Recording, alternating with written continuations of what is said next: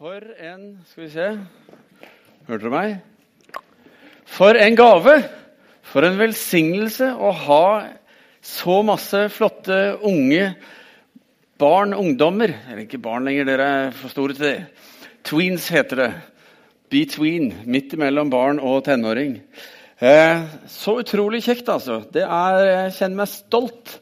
Eh, ikke bare når jeg ser disse fire flotte jentene og Jakob på trommer og Elias som er med og leder, men og, vi samles alltid, vi som jobber med gudstjenesten, så samles vi halv elleve og har en sånn liten eh, samling og bønn. Og Der var det nesten helt fullt i dag. Vi var sikkert 50 stykker der inne som var i sving for denne gudstjenesten. Og det er stas, syns jeg. Velkommen alle sammen til Misjonskirken og eh, denne siste søndagen i oktober, som eh, noen tenderer til å huske bedre enn andre fordi de glemte å stille klokken. Eh, var du blant de som var her tidlig av den grunn, så er det jo bra at vi har så mange som er i sving for å lage gudstjeneste. For da kommer du til en åpen dør selv om du kommer klokka ti og får sikkert en kopp kaffe også. Ellers så kan jeg gi et tips i den anledningen som en kollega av meg, Knut Moholt, som er pastor i Grimstad misjonsmenighet, han la ut på Facebook at eh, jeg vil bare minne alle om å stille klokken én time tilbake natt til søndag. Og til dere som alltid kommer 15 minutter for sent til møter, avtaler og gudstjenester, så kan dere jo nøye dere med å stille klokka 45 minutter tilbake. Et lite tips på veien. Jeg syns den var artig. I dag så starter vi som det ble sagt innledningsvis, en ny prekenserie som skal gå fram mot advent. Altså disse fire søndagene fram mot advent. For deg som eh, ikke er helt klar for jul ennå, så er det altså bare fire søndager. Så er det advent, som sagt. Eh, og når advent kommer, så skal vi ta fatt på eh, ikke en ny serie i den forstand, men vi skal ta fatt på kirkeårets tekster. Fordi Kirkeåret det begynner første søndag i advent, og så skal vi gjøre det et helt år. Så det blir spennende å få gjøre det her i Misjonskirken. Serien som vi starter i dag, den heter altså 'Levende tro'.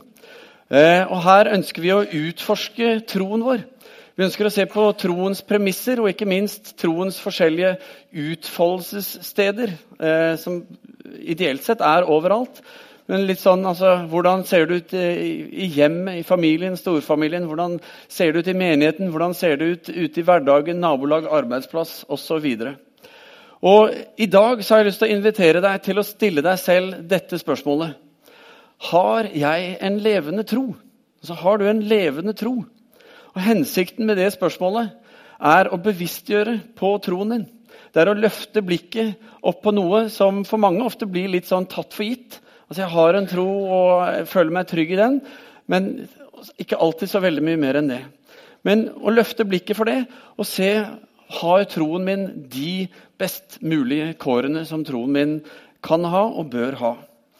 Eh, alle kan få en mer levende tro, og alle vil tjene på å få en mer levende tro. Ikke bare du, men også de menneskene som er rundt deg i ditt liv, i din hverdag.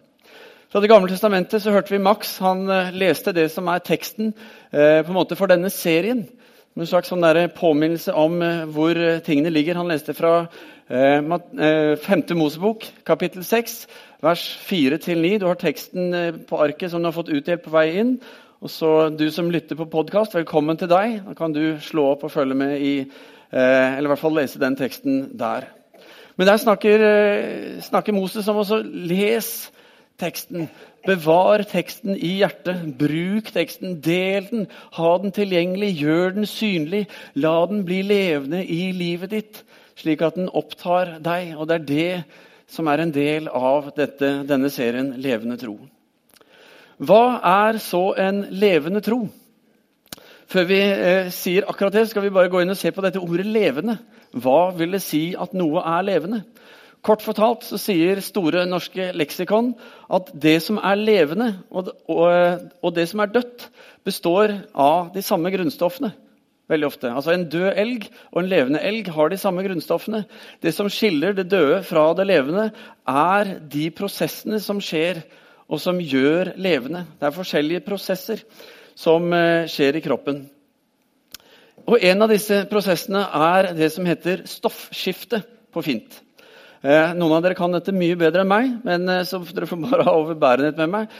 Men stoffskiftet, altså evnen til å ta imot næring og bryte den ned i mindre komponenter, og så bruke det til å bygge opp og bygge videre på det som da er levende.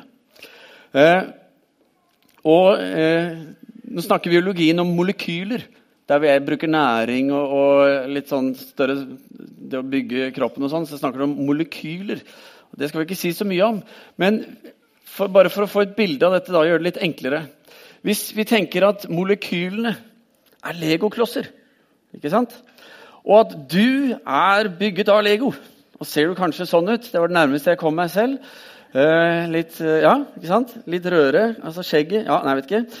Men hvis du er bygd opp av legoklosser, og så eh, får du en banan En Lego-banan. Du har kanskje ikke sett det før, kanskje ikke smakt det før. Men det du gjør med denne Lego-bananen, det er at eh, du tar den fra hverandre. altså Du bryter den ned til enkeltklosser, disse forskjellige bitene. Og så tar du disse bitene til deg sant, i kroppen din, og så bruker du de til å bygge og utvikle deg videre. Sånn fungerer altså dette som handler om stoffskifte.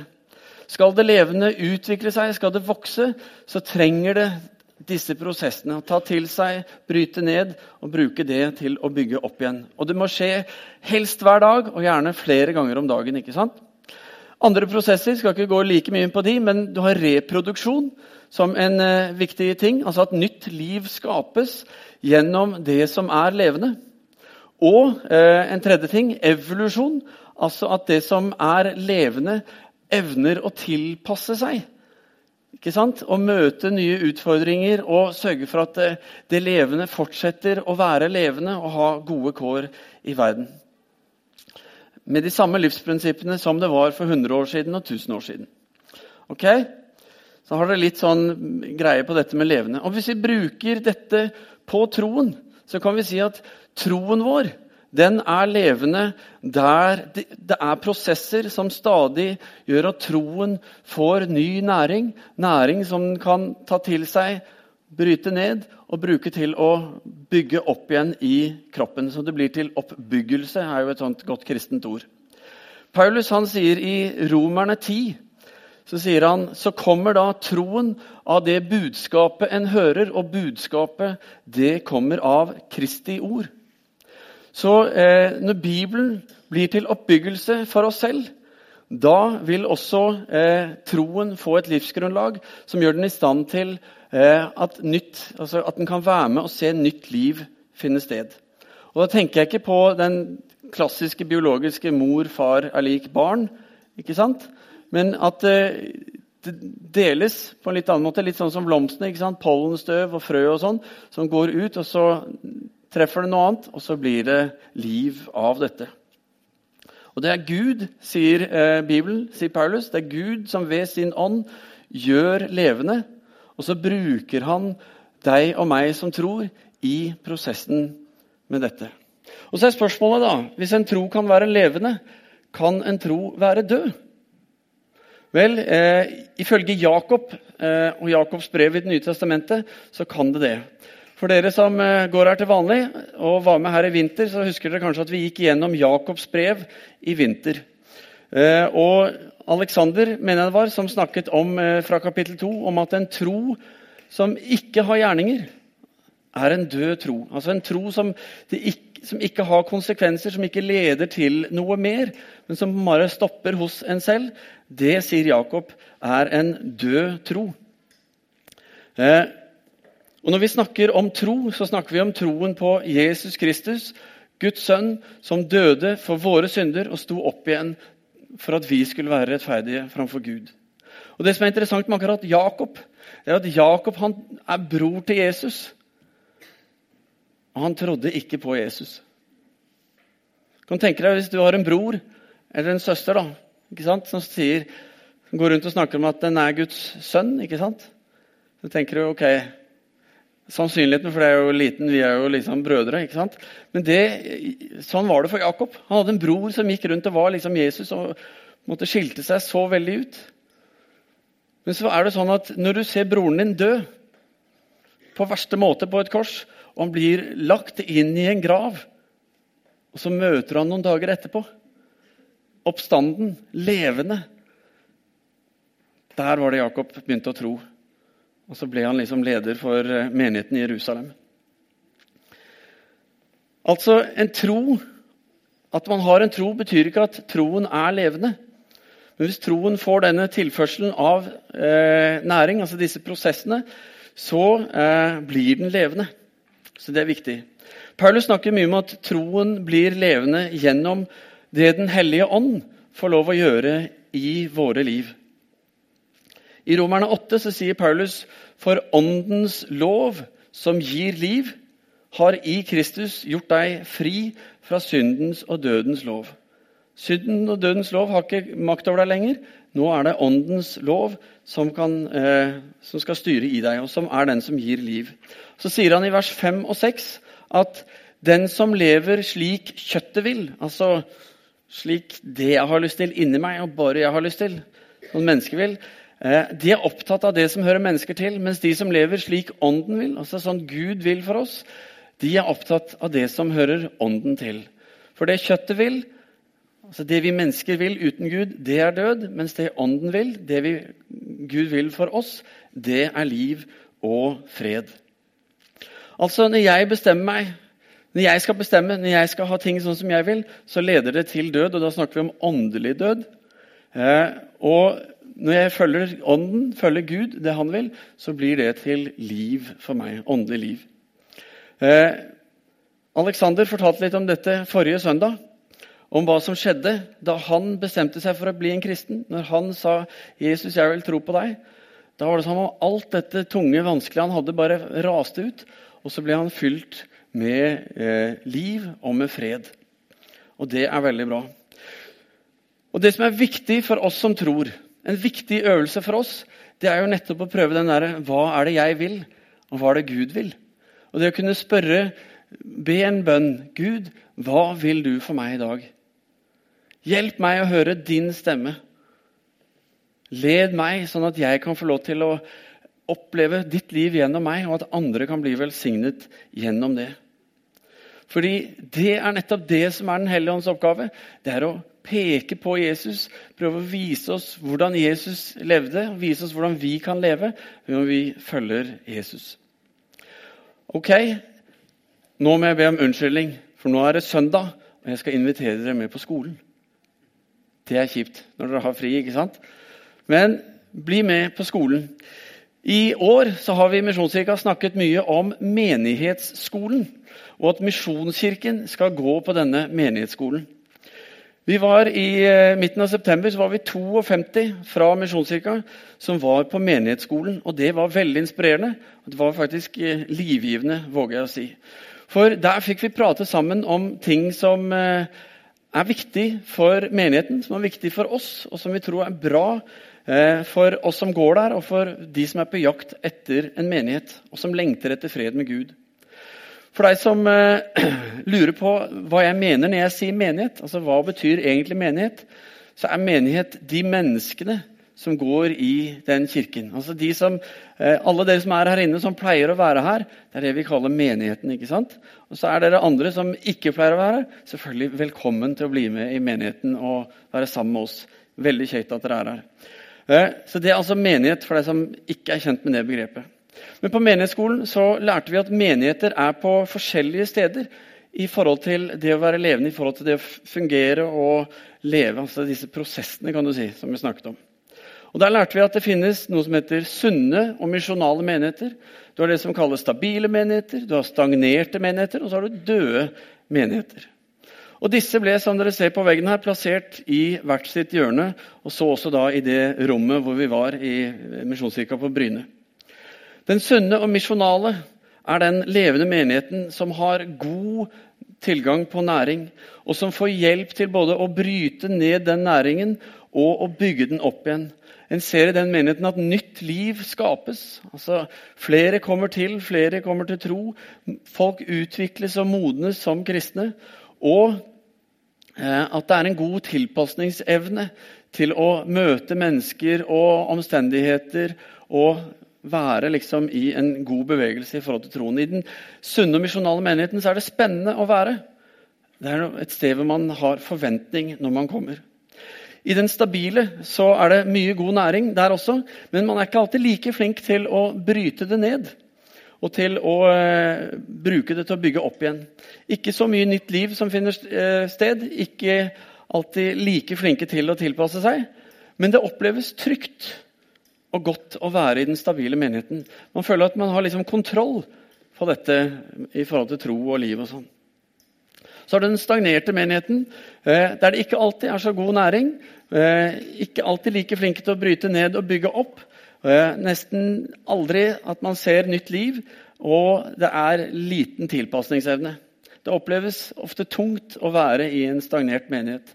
Og så lærte vi om at noen menigheter også er døde. I den forstand at det er dårlig med næring. Man har ikke råd til å ha noen til å lede eller drive eller komme eller gjøre disse tingene. Eh, det er få mennesker som er igjen der. Det skjer liksom ikke noe nytt. Eh, det er tungt, det er trist. Og ofte de som står der, er noen sånne som på en måte er der fordi de føler at de må, at dette er det riktige å gjøre.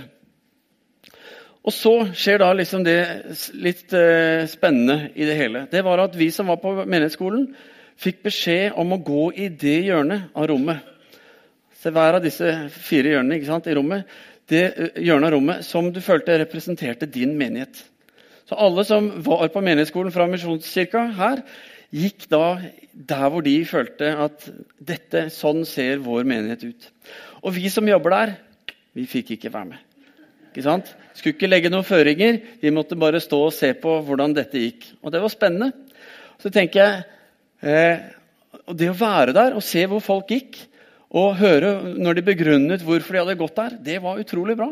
Det var gøy. Undra å fått være med på det. Og Veldig spennende på menighetsskolen. Og ikke minst det å snakke sammen om dette etterpå og dele tanker rundt dette er veldig spennende. Og så lurer du kanskje nå på hvor var det folk gikk? Ca. 90% av de som var der. Det betyr at de prikkene du ser, representerer enkeltpersoner. Men så å si alle gikk bort og sa Misjonskirken Stavanger er en stabil menighet. De fleste av de, aller fleste av de sto liksom vendt mot den sunne og misjonale. Det blir for så vidt den veien for dere, da, eh, for å gjøre det riktig. Nå er dette en sånn kort kort, kort versjon av eh, noe av det vi fikk eh, med oss på menighetsskolen. Det er ikke sikkert du følte at du på grunnlag av det sa nå, liksom kunne å, jeg ville gått dit, eller sånn. Eh, men man stelte seg et sted, og så kunne man stå vendt mot enten eh, sunn og misjonal eller stagnert hvis man sto i stabil, f.eks. Så tenker du kanskje, Hvorfor tar du med dette her i denne talen? Jo, fordi vi snakka sammen, vi pastorene, om at eh, og Dette fikk jeg høre etterpå, at det var noen som hadde snakket om i gruppen også. At sånn vi der vi definerer oss som menighet, det sier noe også om hvor vi er i troen vår Ikke sant? i det stabile, trygge hjørnet. Og Derfor kan vi lage en lignende oversikt for nettopp troen. Altså, Er troen levende? Er den trygg? Er den passiv? Eller er den død? Eller døende? Eh, er den levende, så er det disse sunne, gode prosessene som er i gang. Er den trygg, så er den kontrollert. Eh, og det skjer ikke så mye. Er den passiv, så betyr det at den får dårlig tilgang på næring. og Det er nesten ingenting som skjer. Og er den død, ja, så opplever man ingenting. Sånn eh, enkelt sagt. Altså, det er ingen næring, lite som skjer. Veien til en levende tro er heldigvis ikke lang. Levende tro handler ikke om å være flink og ha masse kunnskap snakke for seg, be lange bønner, synge høyt Alle disse tingene irrelevant i forhold til det i utgangspunktet. Fariseerne og skriftlærde, som vi møter flere steder i Bibelen, og som Jesus eh, ofte er litt sånn i klinsj med, de var kjempedyktige. De kunne masse og var liksom professorene. ikke sant? Det var eh, de som kunne det. Jesus han gikk i rette med dem ofte og sa Vet du hva, Dere har tolka det helt feil. Dere tenker bare på dere selv. Dere vil bare sånn og sånn. ikke sant?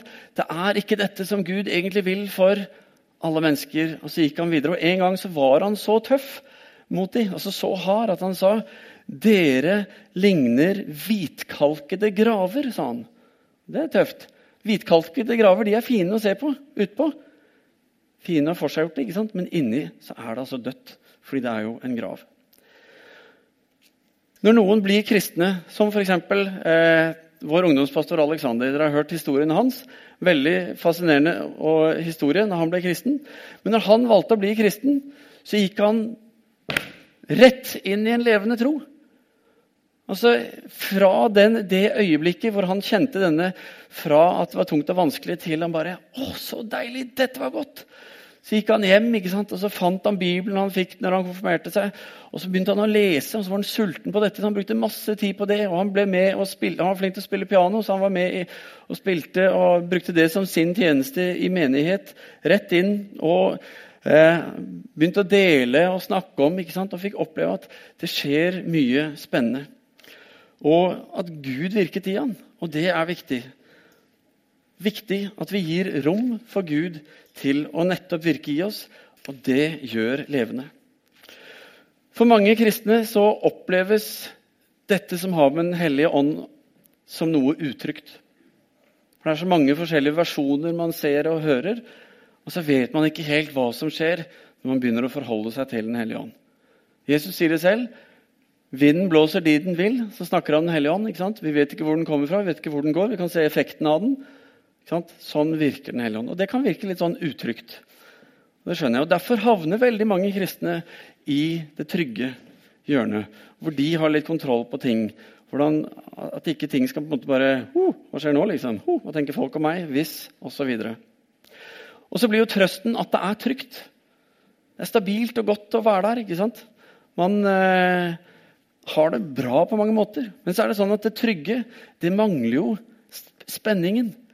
Det trygge det mangler de der store trostegene.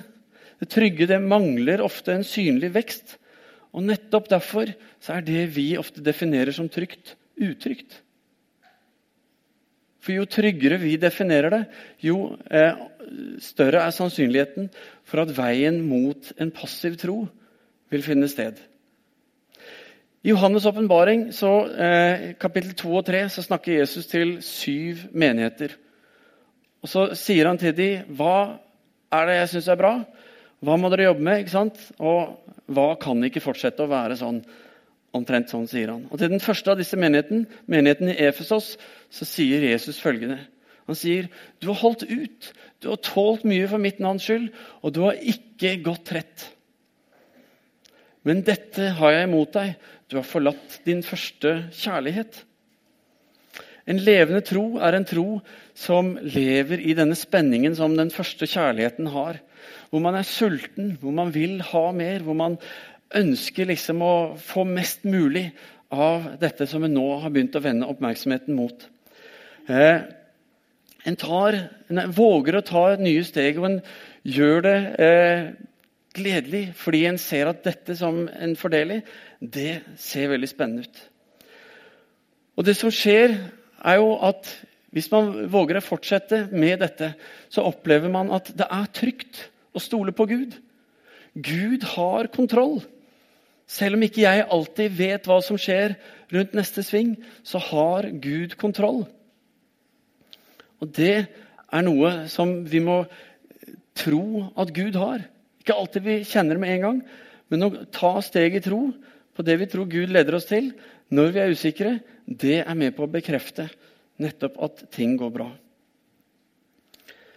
Og jeg tror at Jo mer vi vender oss mot Gud, mot Hans ord, søker det Han har, og på en måte er sultne på det Han har, så jo mer tror jeg vi vil komme dit at vi vil oppleve å kunne si at Herren eh, at, eh, at vi elsker Herren vår Gud av hele vårt hjerte, av hele vår sjel og av all vår forstand, som Max leste i teksten fra 5. Mosebok. Nå vet ikke jeg hvor du befinner deg, men det er for så vidt ikke interessant eller viktig. Det som er viktig, er at vi med vår tro velger å ta nye steg i retning av en ledende, levende tro. At vi velger å gjøre endringer og tilrettelegge for at Gud skal få eh, mer plass i livene våre, at han skal få flere anledninger til å tale inn i livene våre. For han kommer ikke og overkjører oss. Men når vi åpner døren, når vi inviterer han og sier 'Gud, jeg ønsker mer av deg', da setter han i sving. Og Bibelen her er viktig, for Den hellige ånd bruker den. Og som det står i Johannes 14, eh, eh, vers 26, så sier Jesus men talsmannen nå snakker Jesus om hva som skal skje når han ikke er iblant dem lenger. Han sier talsmannen, Den hellige ånd, som far skal sende i mitt navn, han skal lære dere alt. Og han skal minne dere på alt det jeg har sagt dere. Så Når vi leser Bibelen, så er Den hellige ånds oppgave å bruke det, hjelpe oss til å bryte det ned og bruke det til å bygge det opp, sånn at når vi står i en situasjon, så bare Ja! Plutselig så blir vi minnet på noe, og så kan vi bruke det, og så hjelper det oss. Gud ber oss om å åpne livene. Han ønsker at vi skal ha en levende tro. Han ønsker at vi skal fryde oss i den troen vi har. Han ønsker at vi skal få oppleve alt det gode som han har for oss. For det er nye dimensjoner ved troen, ved det kristne livet. Og det må vi holde fast med. og Det må vi søke etter, for der er det store gullgruver. Har du en levende tro? Som sagt, alle trenger vi å ta nye steg. Og Jeg har lyst til å utfordre deg til å være med oss på denne serien. Om ikke du har anledning til å komme alle disse fire søndagene, eller neste tre også, så har vi denne podkasten som gjør det enkelt å få med seg alt. La deg utfordre. Hør hvordan dette kan se ut og fungere i de forskjellige situasjonene som man er i i livet. Og se hvordan kan jeg ta imot noen enkle tips og råd. Hvordan kan jeg bruke dette for nettopp at min tro skal kunne få bedre kår? Og at min tro skal få lov til eh, å bety noe der hvor jeg er i mitt liv. Fordi troen, den setter fri. Den forløser det som er bundet. Og så leger den de sårene som mange går med. Og så gir den fred med Gud. Og det er vi som menighet kalt til å være med og dele, være med og formidle skal vi be sammen om at uh, vi skal få lov til å ta disse stegene. Kjære himmelske Far, takk for at uh, det er du som kaller på oss. Det er du som inviterer oss inn til å gå inn i det som du har gjort i stand for oss. Takk for at du elsker oss høyere enn noen annen. Takk for at du kjenner oss bedre enn noen annen, bedre enn oss selv. Og takk, Herre, for at uh, du vet hva som er best for oss. Og at du kjenner hva som skjer i livene til de som er rundt oss. Og takk, Herre, for at eh, du har utvalgt oss, hver enkelt av oss. Uansett hvor vi kommer fra, hvilken bakgrunn vi har, hvor mye galt vi har gjort, eller hvor flinke vi har vært, eller hva det handler om, så er du hos oss. Du elsker oss, og så ønsker du Så står ved døren og banker, står det i Åpenbaringen 3.20. Banker, og hvis vi lukker opp døra, så har du lyst til å komme inn og være sammen med oss.